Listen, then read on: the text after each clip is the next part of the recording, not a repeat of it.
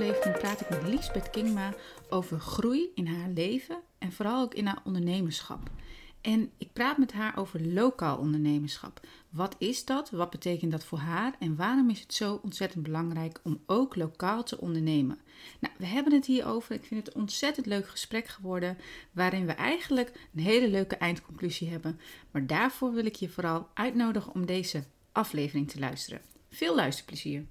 Ja, welkom. Nou, eigenlijk, ik ben bij jou natuurlijk nu hier. Maar uh, fijn dat ik hier mag zijn en dat wij in gesprek gaan over groei. Onder andere, ik ben heel benieuwd welke kant het op gaat en dat gaan we zien. En uh, ja, Elisabeth, ik wil jou vragen om jezelf even voor te stellen. Ja, nou, welkom in mijn uh, fijne kantoortje. Mijn naam is Lisbeth Kingma. Ik ben businessstrateeg.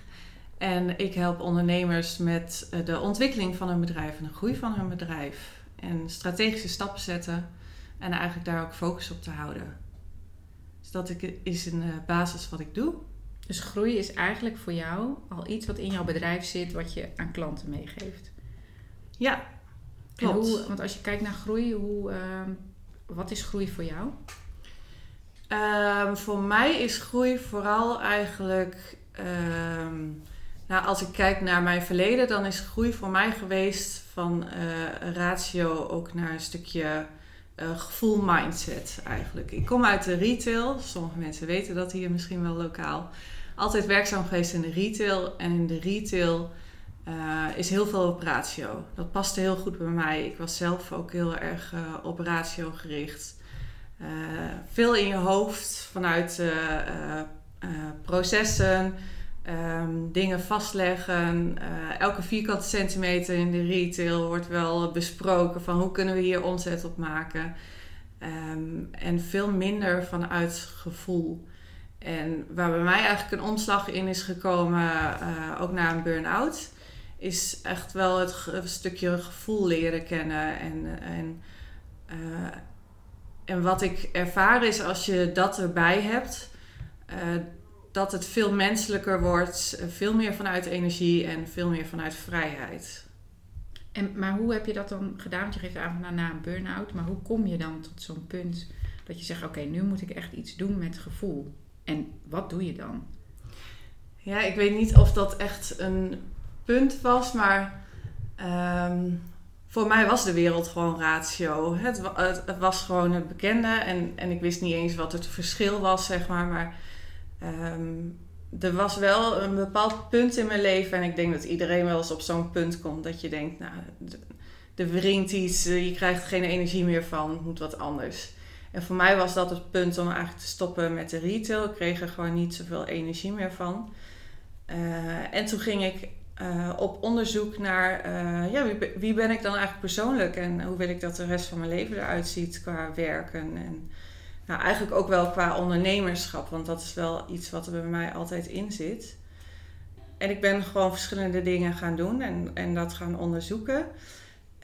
en een van de dingen die mij ook wel opviel, en die ook tijdens mijn burn-out wel heel erg naar voren kwamen, is dat ik heel veel overdenk.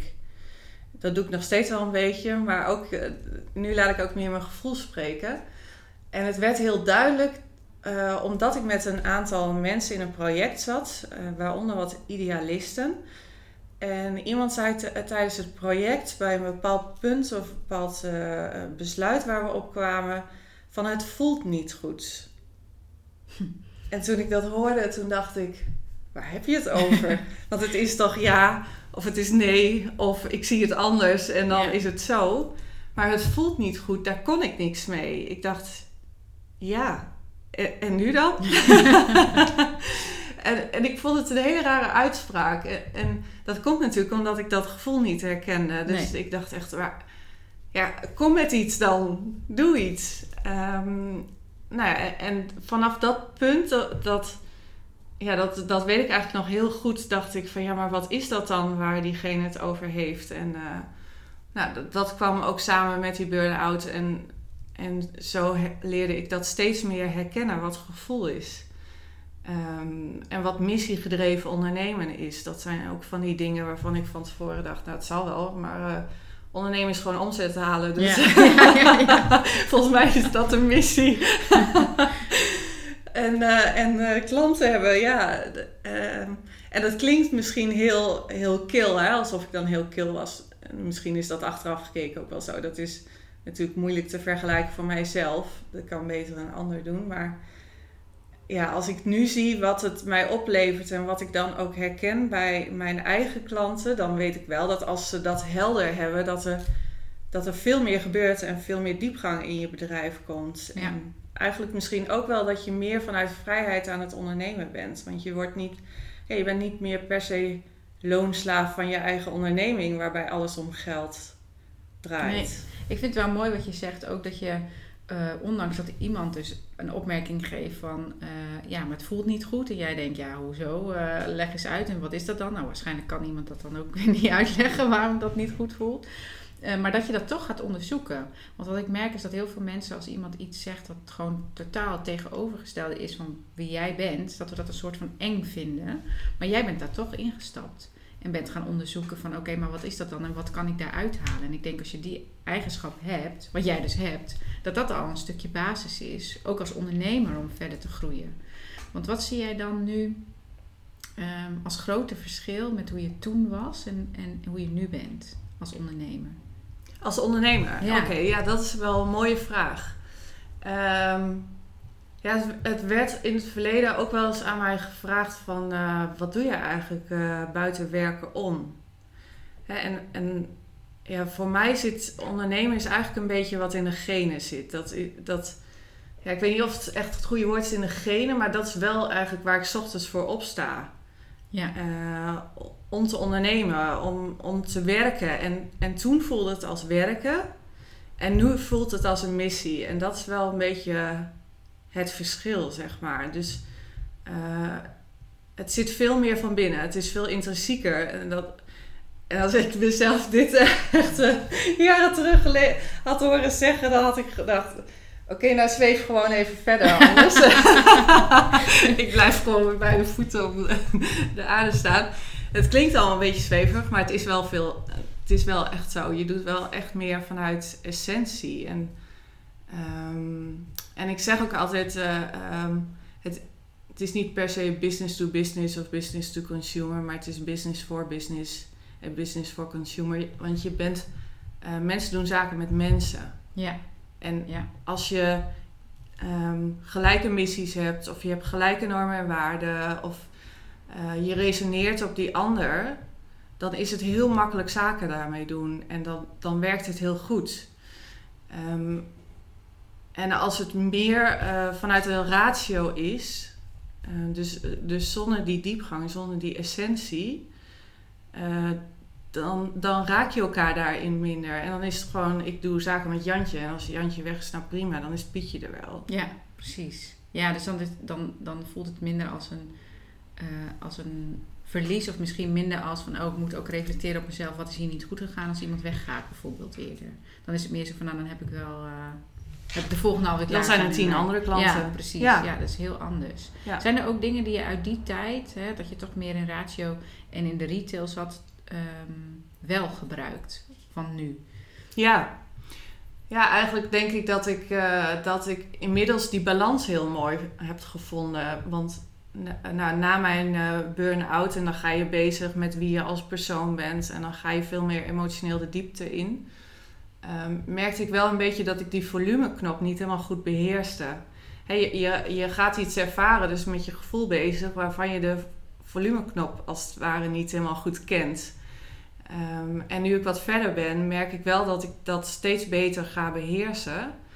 Ehm, en waardoor ik eigenlijk mijn strategische kant en mijn rationele kant, mijn zakelijke kant, heel goed kan inzetten ten dienste van. Ja, Of andersom. precies.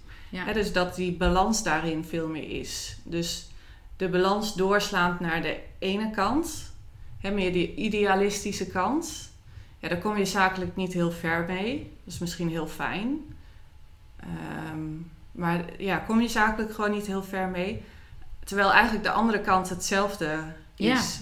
Ja, ja, want daar moest ik aan denken wat jij vertelde. Dat ik denk, ja, je kunt altijd vanuit je gevoel leven. En dat is ook goed, hè? Want het gevoel speelt altijd mee. En ik denk, je, je ratio ook.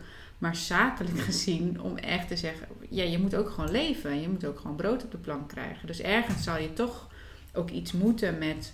eh, klanten en geld. En dat is voor sommige mensen die heel idealistisch zijn, is dat een beetje vies of zo. Dat mag niet. Je mag geen geld verdienen, want ik moet het allemaal voor niks doen. Maar ja, zo zit onze maatschappij niet in elkaar. Uh, dus mag je ook van jezelf geld verdienen. En ik denk dat jij daarin nu, ook wat jij zegt, een hele mooie basis hebt gevonden. Maar misschien juist ook wel dat soort idealistische mensen kan helpen in hoe hoe vind je dan die... En andersom. Hoe vind je en andersom. ja, ja dus, dus eigenlijk, uh, dat zie ik ook. Hè. In mijn trajecten heb ik zowel uh, idealistische mensen die uh, wel ratio herkennen, maar het niet zo goed kunnen inzetten. Dus, dus veel meer het strategische zoek, stuk zoeken. Als mensen die wat meer vanuit ratio ondernemen. en dat missiegedrevene eigenlijk een beetje missen. Dus daar eigenlijk veel meer naar zoeken. Ja. Dus wat dat betreft uh, is het wel een beetje een mix tussen coach en consultant, als je het zo bekijkt. Ja, ja waar je leuk. dan in zit. Ja, en, en wat ik eigenlijk de laatste tijd ook wel merk, is dat um, van, vanuit mijn retail heb ik natuurlijk heel veel ervaring in de sales. En ook daar is dit heel erg waardevol. Want uh, sales heel erg vanuit ratio. Um, kan natuurlijk prima. Hè? Als je een brood verkoopt, ik kan jou prima, dit is een brood, hier. Hè? Het kost 2 euro, alsjeblieft. Hoef ik niet heel veel gevoel bij je in te leggen. Um, maar als je, als je als ZZP'er bijvoorbeeld jezelf als een dienst verkoopt, uh, dan gaat het al veel meer om gevoel draaien. En daar lopen ZZP'ers ook vaak tegenaan. Uh, je moet jezelf verkopen en dat is... Uh, uh, veel lastiger om daar dan rationeel naar te kijken en daar een waarde aan te hangen. Terwijl het uiteindelijk ook zakelijk is. En uh, ook nou, in mijn sales traject wil ik daar ook echt wel aandacht aan geven. Omdat het voor heel veel ondernemers een hobbel is om sales te doen. Alleen het woord al en het woord acquisitie. Dus dat is al eng. En dat, is dat is al heel eng. En, en dat kom ik ook vaak tegen in mijn traject. Dan zie ik uh, een ondernemer en dan gaan we ook eens even kijken van nou, hoe ziet jouw werkweek er nou uit als ondernemer? En dan zijn we dat uit het uitwerken en dan oké, leuk, boekhouding hier en, je marketing zit hier en dit is je uitvoerende werkzaamheden. Um, en dit is nog wat andere dingen. Maar waar doe je je acquisitie dan? Ja, ik heb op woensdagmiddag om drie uur, dan heb ik nog wel een uurtje of twee over om mijn sales te doen. Maar als ondernemer moet je sales natuurlijk wel eigenlijk ademen. Het moet in je systeem zitten. En, en ja, dat is eigenlijk een onderschoven kindje, dat zie ik heel vaak. En daar... maar wat is dan sales voor jou? Als je, uh, nou, ik ben ook ondernemer, wat zou je mij dan aanraden? Nou, aanraden is een groot ding. Hè. Ik denk dat je in ieder geval heel helder moet hebben wat is nou je aanbod, maar uiteindelijk wat is de waarde die je oplevert. Uh, en waar help je mee, mensen mee? En als je um, sales doet, uh, ja, het is eigenlijk niet sales. Het is eigenlijk jezelf inzetten om andere mensen te helpen. En daar hangt gewoon een prijskaartje aan. Uh, als je vanuit die gedachte doet, van ik help mensen mee en het levert ze dit op, dan... Ja, het is al heel anders dan, dan ik verkoop is het heel anders. Ja. Precies. Ja, en eigenlijk als je dan weer teruggaat naar dat brood. Ik bedoel, als jij zegt inderdaad, nou hier is een brood 2 euro. Maar je kan het ook heel anders doen. je kunt dat ook weer verkopen. En dan betaal ik gerust 10 cent extra voor iemand die dat heel leuk verkoopt. Ja. Dus ook daarin zit denk ik dat stukje menselijk wat jij, wat jij zegt. Maar het verschil is natuurlijk wel, vaak vinden we een product verkopen iets makkelijker dan onszelf verkopen. Ja, en ik vind dat Jos Burgers daar, hè, we kennen hem allemaal wel en um, ja, hij heeft daar altijd wel mooie voorbeelden mee. Hè? De, de gaten in de muren, heb je een boormachine nodig? Of uh, kun je ook een klusjesman inzetten die voor je oplost? Uiteindelijk is wat je wil, is, is een gat in de muur. Ja, ja. Ja, maar de, het gaat erom dat je diegene die het gat in de muur wil op de juiste manier helpt met waar hij mee geholpen is. Ja. En uh, voor mij is de waarde dat ik een enorm netwerk heb in Maple. En dat betekent ook dat ik eigenlijk ondernemers altijd kan helpen. En dat is niet altijd dat ik ze zelf iets moet uh, aanbieden. Maar het kan ook zijn dat ik gewoon met jou praat en denk: Oh, maar jij moet echt met Jantje of Pietje praten, want die kan jou echt verder helpen. en dat is ook gewoon helpen voor mij. En, en daar hoeft niet altijd een prijskaartje aan te hangen. Maar Nee. het is gewoon... En dat onthouden mensen, hè? Ook als je iets doet zonder dat je daar direct iets aan geld aan waarde, zeg maar, voor terugverdient. Het is een ander soort waarde wat je dan uiteindelijk krijgt. Want mensen zullen altijd weer naar jou toe gaan van, goh, hé, hey, de vorige keer heb je me zo goed geholpen. Ik heb nu een andere vraag en misschien kun jij het dan wel zelf, of wil je het dan zelf, heb je daar ruimte voor. Eh, en dan krijg je er alsnog iets voor terug.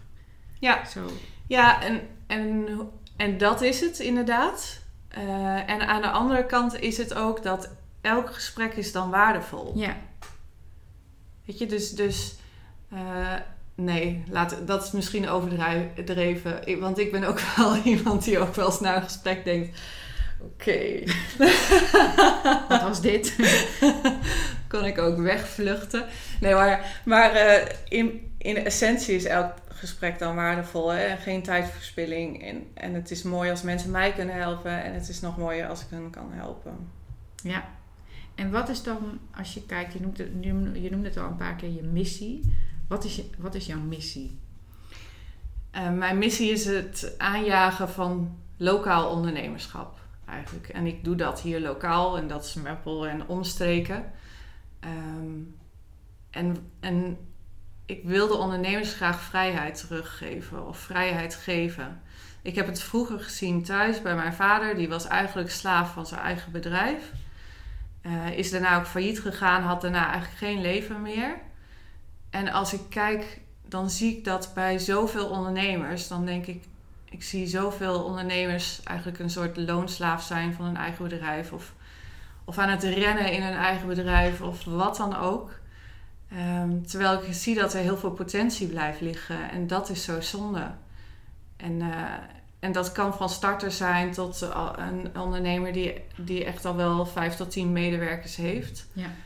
Ehm, maar laten zien waar de vrijheid zit en waar de kansen liggen. Want eigenlijk bij elke ondernemer ligt nog zoveel potentie en zoveel kansen om te pakken. Ehm, En wat is dan die vrijheid voor jou? voor mijzelf als ondernemer. Ja? Ja, dat is grappig, want ik, ik, eh, vandaag werd, eh, werd iets duidelijk over, eh, over dat slaaf zijn in je eigen bedrijf of heel veel in processen willen gieten. Ehm, ik giet zo weinig mogelijk in processen. En daarmee ervaar ik soms ook wel eens de andere kant van vrijheid. ja, ja. Dat je, dat je ook een beetje soms wel aan het rennen bent. Maar als ik kijk naar, naar vrijheid, dan is het voor mij wel ehm, heel veel mensen helpen. Of heel veel ondernemers helpen bij een onderneming. En vanochtend had ik weer een klant, een nieuwe klant in mijn traject.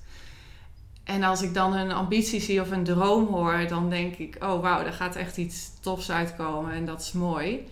En nog mooier is om dan eh, te kijken vanuit welke behoeften doen ze dat nou daadwerkelijk. En als dat helder is en ze houden dat vast, ja, dan wordt eigenlijk alles wat, eh, wat, wat je daaromheen bouwt, zeg maar, eh, dat is ondersteunend aan dat doel Ja. om dat te gaan bereiken. En dat voelt veel meer als vrijheid, als tip, dan ik ga een proces ehm, eh, uitzetten om morgen op pad te gaan en daaruit te komen. Dus die vrijheid, eh, zeg je dat daarmee, die zit voor jou veel meer in eigenlijk de missie die je hebt en, en vanuit daar alles ehm, doen, alles omheen bouwen. Ja, ik omschrijf het ook wel eens eh, van nou, eh, ik wil morgen wandelen naar Zwolle bijvoorbeeld. En ik heb wel 10, 15 routes waarlangs ik kan wandelen. Dat staat voor mij nog niet vast. Nee, Maar dat ik naar Zwolle wil is wel duidelijk. En misschien eh, doe ik er wel drie weken over om in Zwolle aan te komen. Ehm, ehm, maar dat moet, dat moet vanuit vrijheid gedaan kunnen worden. En als je nu al heel erg de, de route uit gaat stippelen om in Zwolle uit te komen, dan kun je wel overspannen in Zwolle aankomen. Omdat je zo eh, gedreven die route aan het wandelen bent, dat je al het mooiste onderweg eigenlijk niet ziet. ja. Ja, vind ik een heel mooi voorbeeld. Want dat is het Dus wel. zo omschrijf ik Ja. het vaak. Ja, Terwijl ik vroeger dus was, als we weer teruggaan naar wat is nou voor mij de verandering of de groei als ondernemer. Dan zou ik degene zijn geweest die in Zwolle wilde uitkomen en nu vandaag eerst de route had vastgesteld en precies bepaald. En dan was alles wat onderweg eh, ehm, eh, als obstakel werd gezien. Dat was ook heel erg storend in mijn leven, Ja. zeg maar. Want ik moet morgen in Zwolle uitkomen. Ja. Ja. ja, en dan kun je die mindset al haast niet meer omdraaien, want dan wijk je af van het oorspronkelijke plan. Ja. Want, eh, werd dat ook, eh, zag je het ook terug zeg maar, in, je, in alle andere dingen die je deed in je privéleven, dat je zo procesgericht was? Ja. was? Ja. Op wat voor manier? Nou, ik weet niet of ik het zelf terug eh, zag, maar ik hoorde het wel vaak terug. Dat mensen ehm, eh, mij altijd wel zakelijk noemden. En dat, als ik dat nu hoor, dan denk ik, oh, dat doet me wel wat. Dat mensen dat altijd zeiden. En toen vond ik dat heel normaal. Ja, En, en er zijn echt wel dingen waar ik op terugkijk dat ik denk, oh ja, jeetje. Weet je, wel, alles was ten behoeve van dat doel, zeg Ja, maar. En, ja. en, en daardoor heb ik gewoon heel veel moois over het hoofd gezien, wat er misschien wel is geweest. En dat vind ik wel de vrijheid die ik nu ervaar. ja, dat is eigenlijk ook een hele mooie persoonlijke groei die je Zeker. hebt doorgemaakt. Ja, minstens. Ja, minstens. het heeft natuurlijk ook wel heel erg met, met elkaar te maken. Hè? Want je, Ja. je- ja, het heeft altijd invloed, het ene op het ander. Want ik zie echt zo iemand voor me die dan ehm, ook de vakantie tot in de puntjes plant. Maar ik weet niet of dat, of dat ook zo was bij jou. Hm. Ehm, nee, zo kan ik het ook weer niet zeggen, want ik ben wel een pragmatisch persoon. En pragmatisch is, we gaan daarheen en die richting. Eh, dus, en, en die is niet tot in detail eh, uitgewerkt. Ik ben geen perfectionist of zo, ook nooit geweest. Terwijl heel veel mensen dat wel dachten. En misschien Ja. nog steeds wel denken. Ja, Oh, dat is iemand van structuur en perfectionisme. Maar dat is wel altijd onder... eh, ja, dat, het, het doel staat voorop dan. want ben je ook iemand van structuur? Nee, niet per se. Nee, want jij Nee. noemde dat net ook. Met Ja. van, ja, ik ben eigenlijk helemaal niet zo van de processen. Nee, en, en, en dat, eigenlijk eh, is dat wel heel vaak waarop mensen aanhaken. Dat, het gevoel dat ze dat hebben. Ehm, maar dat, dat ben ik eigenlijk niet. Maar eh, iets, ik denk waar ze daadwerkelijk op aanhaken. Dus dat is wel een leuke vraag.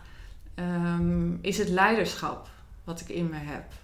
En dat is wat heel veel mensen eh, zoeken als ondernemer: het leiderschap in zichzelf. Ja, Want dat is natuurlijk wel als ondernemer, ook als ZZP'er of als je een paar medewerkers hebt. ehm, je moet wel eh, die leider zijn over jezelf. Je moet wel een bepaalde vorm van discipline hebben. En jezelf eh, een stukje focus geven ja. om die onderneming waar te kunnen maken. Dus het zit er meer in het leiderschap dan in het daadwerkelijk in het structuur. En hoe kijk jij dan naar leiderschap? Wat voor leider ben jij? Ja, nou, als je naar het diskprofiel kijkt, dan ben ik best wel rood. Dus ik, ik ben best wel iemand van het leiderschap, het aanjagen, het vooroplopen, mensen ehm, ja, de richting aangeven, zeg maar, de richting aangeven als leider. Eh, wat dominant ook wel daarin.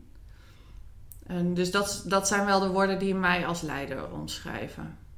Ja, want ik vind het wel mooi wat je zegt. Gisteren had ik een gesprek met ehm Nick van den Adel. Ik weet niet of je hem kent, maar hij, eh, eh, het ging ook over leiderschap. En wat hij zei was ook van je kunt niet een goede leider zijn als je jezelf niet goed, als je niet goed leiderschap over jezelf hebt. Dus goed voor jezelf zorgt, maar ook jezelf goed kent. Weet je, dat soort, en jij haalt dat ook aan.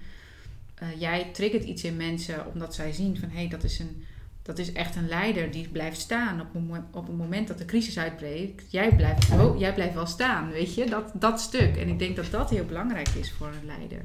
Ja, Ook dat persoonlijke stuk. Het is wel mooi wat je, wat je zegt. En als je kijkt naar ehm, groei in de komende jaren, heb je daar een beeld bij waar je naartoe wil groeien? Ehm, ja, nee. ik heb wel een beeld waar het eh, ehm, naartoe gaat. Maar als ik iets heb geleerd, ehm, is ook dat ik dat nu dus zoveel mogelijk durf los te laten. En probeer los te laten. En niet tot in het oneindige. Dus ehm, ik heb voor mezelf wel een ambitieplaatje of een eh, visueel beeld in mijn hoofd van waar het mag staan over een paar jaar. Maar ook niet meer dan dat. Dus ik heb het niet meer vastgesteld zoals ik dat dus vroeger wel zou doen. Ja. Eh, ook mede omdat ik denk dat ik daarmee snel weer in oude gewoontes ga vallen. Ja, dus je bent eigenlijk ook wel heel erg bewust van je eigen valkuil dan op dat moment. Ja. Ja. Dus het blijft ook met een, eh, bij een droombeeld. En, en mijn doelen stel ik gewoon voor maximaal een jaar vast. Ja. En überhaupt daar, ehm, als ik daar rationeel naar kijk, weer even, dan denk ik ook dat we, hè, eh, eh, ook gezien de tijd waar we nu in leven, ik weet niet of je, of je nu aandacht moet besteden aan heel veel verder dan een jaar. Nee, want je, we weten helemaal niet wat kan over een jaar. Nee, en ik denk dat het al heel mooi is als je een doel voor, voor over een jaar hebt staan waar je naartoe kan werken. Ja. En als je dat eikpuntje steeds kan verplaatsen, ja, dan, kom je, dan ben je ook op een mooi pad bezig. Ja. En wat zijn de eerste dingen die jij doet als jij een klant krijgt, eh, eh, ja, een ondernemer die een vraag heeft? Heel veel vragen stellen. dat is ook een, een, eh, een welbekende techniek die ik natuurlijk vanuit, vanuit de sales ook wel heb. Maar het is ook hoe ik in elkaar zit. Ik ben heel erg analyserend, dus daarvoor eh, wil ik graag zoveel mogelijk eh, weten van iemand. Dus vertel maar. En dan komen er vanzelf eh, dingen naar boven die voor mij als een puzzelstukje in elkaar gaan eh, vallen. Ehm, en daarmee is mijn traject ook wel echt een stukje maatwerk. Hè? Dus ook weer waar we het net over hadden. Van nou, hoe, hoeveel stel je nou vast en hoeveel structuur heb je? Ja. Ik heb natuurlijk wel ehm, vaste dingen waar ik eh, mijn hou vast tijdens zo'n traject. Maar ik merk nog wel heel vaak dat de behoefte waarmee mensen beginnen aan een traject eigenlijk niet altijd ehm, de stap is waar ze mee bezig moeten zijn. Of de intrinsieke behoefte, die ligt soms nog wel eens ergens anders. Ja. Dus als we beginnen met een traject, dan is het echt wel een stukje even onderzoek. Waar staat iemand? Ehm, zowel qua bedrijf als eh, mindset. En wat is de, waar, van waar komen mensen bij jou? Hè? Dus wat, wat trigger jij in mensen? Nou, ik denk dus dat dat leiderschap, dat stukje eh, wat, wat ze denken dat structuur is.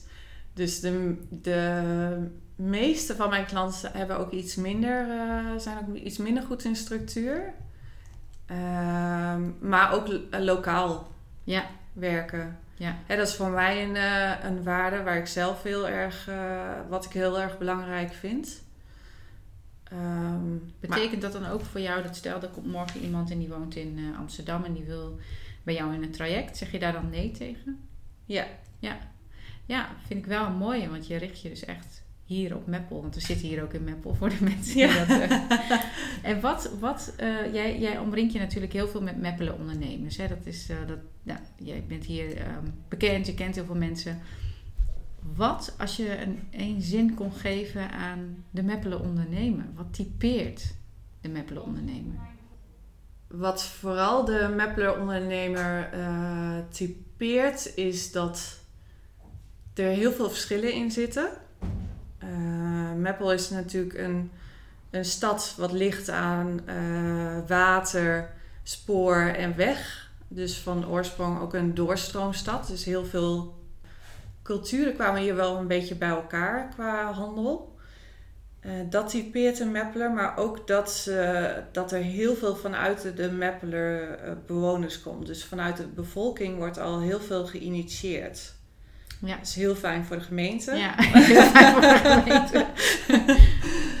Ehm, en daardoor is het ook zo bruisend. Het is ook wel, het wordt soms door sommigen ook wel evenementenstad enzovoort genoemd. Maar er gebeurt heel veel. Er wordt heel veel geïnitieerd in Meppel. En dat is dus heel, eh, heel kenmerkend, denk ik wel, voor de Meppeler ondernemers ook. Ja, leuk om te horen. En wat maakt dat jij zegt, nou, ik wil echt lokaal blijven? Ja, goede vraag. Dat is leuk. Ga ik even al pratend over nadenken. ik ben hier eh, op mijn zeventiende gekomen in Meppel voor werk. Ehm, ben hier ook toen komen wonen. En iets in deze stad heeft mij wel getriggerd. En ik denk dat dat wel dat ondernemerschap is dat dat in de mensen zit. Dat sprak mij altijd wel aan. Maar eigenlijk, jij zegt hè, van je bent heel erg eh, bekend in Meppel. Maar eigenlijk ben ik nog maar vier, vijf jaar bekend in Meppel. Want daarvoor was ik grotendeels buiten Meppel werkzaam. Ja, ja. Ik ben heel lang niet meer in Meppel werkzaam geweest. Dus dat netwerk heb ik de laatste jaren opgebouwd. Maar dat is vanuit een behoefte bij mijzelf. En dat is eh, eh, zaken doen met mensen. Dus mensen met mensen. En daarmee werkt voor mij online, online werken, wat nu heel veel gebeurt, werkt voor mij minder goed. Ik kan prima wel één op één een sessie doen of een, of een strategie online eh, via Teams of zo. Maar ik wil wel de mensen kennen waarmee ik werk. Ja, En persoonlijk kennen en weet eh, wat ze drijft en waarom. Dus wel dat menselijke contact is voor mij wel heel belangrijk. Vandaar dus het zaken doen eh, ehm, met Lokaal. mensen en lokaal. En wat je net zei, iemand uit Amsterdam. Kijk, ik heb vroeger veel bij de weg gezeten. Heb ik heel lang heel leuk gevonden. Maar ik moet er nu eigenlijk niet meer aan denken. Dus, dus nee. nee. nee. Nee, maar ik denk dat het ook een mooie is. Hè? Want je kiest daarin heel bewust voor eh, om lokaal te werken. Ik denk dat het ook iets is wat je uitdraagt. In die zin eh, dat er meer mensen zullen zijn die dan denken... oh, misschien moet ik dat ook maar gaan doen. Weet je, want je, je, eigenlijk wat je creëert lokaal... is ook dat mensen elkaar iets gunnen. Eh, En, en iedereen heeft zijn eigen expertise en je vindt elkaar op die manier. En nu, ja, in, zeker in deze tijd, maakt het eigenlijk niet meer uit waar iemand woont. Want je kunt toch online dingen met elkaar afspreken. Maar hoe mooi is het als je ja, mensen die gewoon, eh, eh, weet ik veel, twee straten verderop wonen en ook ondernemers zijn, die, dat je denkt, oh, hé, hey, wij kunnen iets aan elkaar hebben. Ja, ik vind dat een hele mooie gedachte. Ja. Waar ik, eh, heb ik ook al eens tegen jou gezegd, waar ik zelf nog wel meer mee zou kunnen doen, denk ik.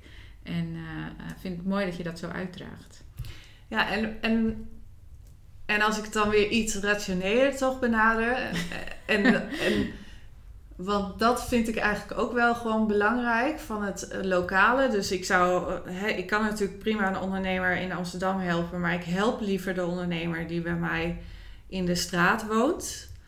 Want dan zie ik zelf ook veel langer effecten daarvan. En dat Ja. vind ik gewoon heel leuk om te zien. Als je met iemand begint en in de loop van de tijd hoe zich dat ontwikkelt. Dat is een soort eh, kippenvel in je kruin, zeg maar. Wat je dan, hoe je dan ziet dat iemand groeit. Dat had ik ook altijd bij. Ik heb natuurlijk ook zomerondernemer gedaan met jonge ondernemers. En als je ziet hoe ze dan groeit, groeien in zo'n traject. En als ik dat nog steeds zie, dan eh, ja, heb ik echt kippenvel in mijn kruin. Ja, ja, dat vind ik heel belangrijk. Maar de rationele kant ervan vind ik ook wel. ehm, als lokaal de economie hier gestimuleerd wordt, dan vertaalt zich dat weer terug naar een mooiere leefomgeving. Ja.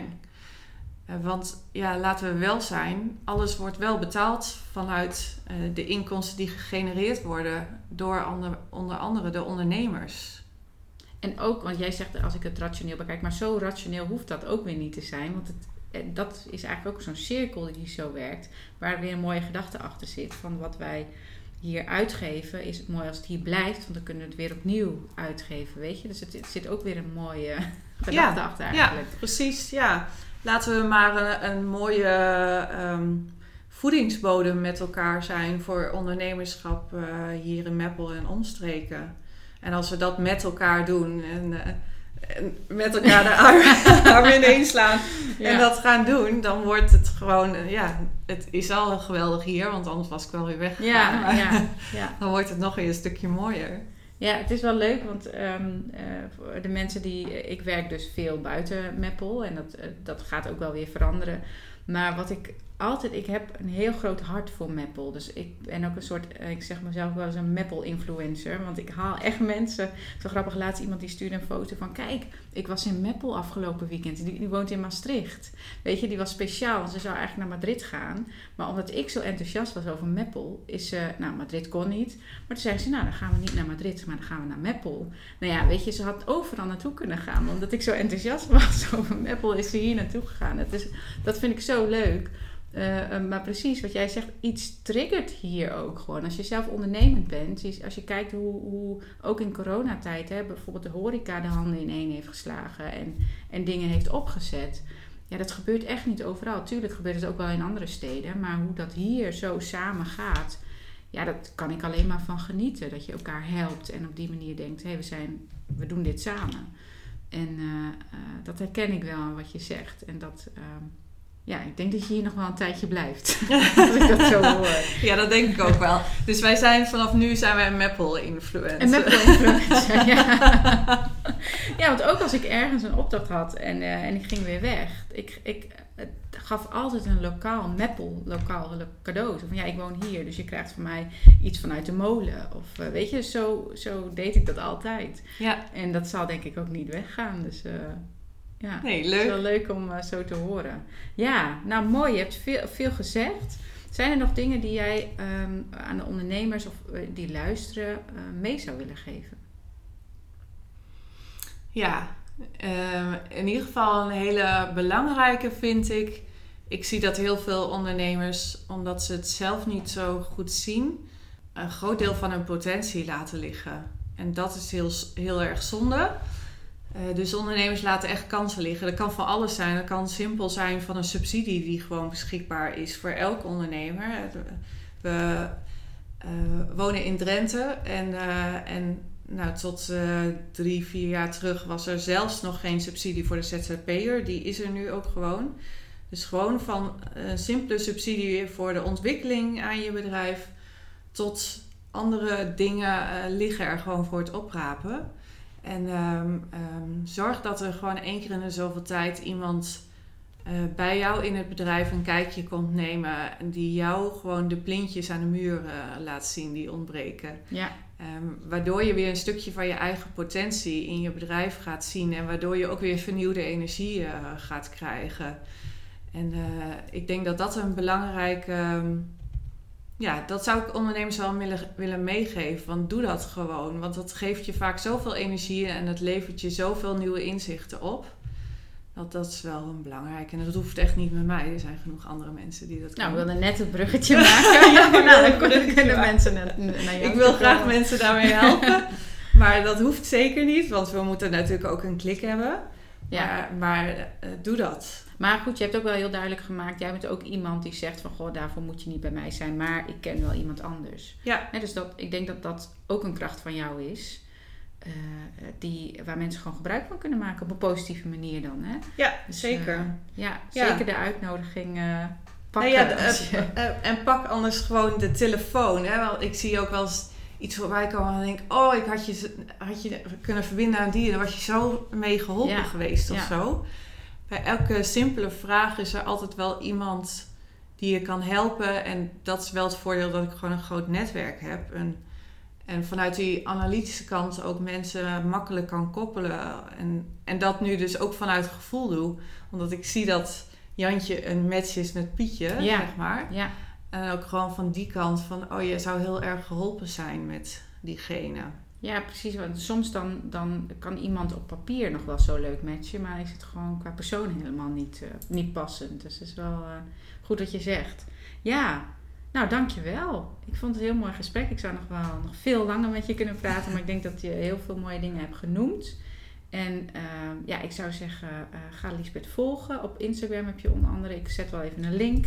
En ja, we gaan kijken waar je over een tijdje staat. Dankjewel. Leuk, jij ook bedankt.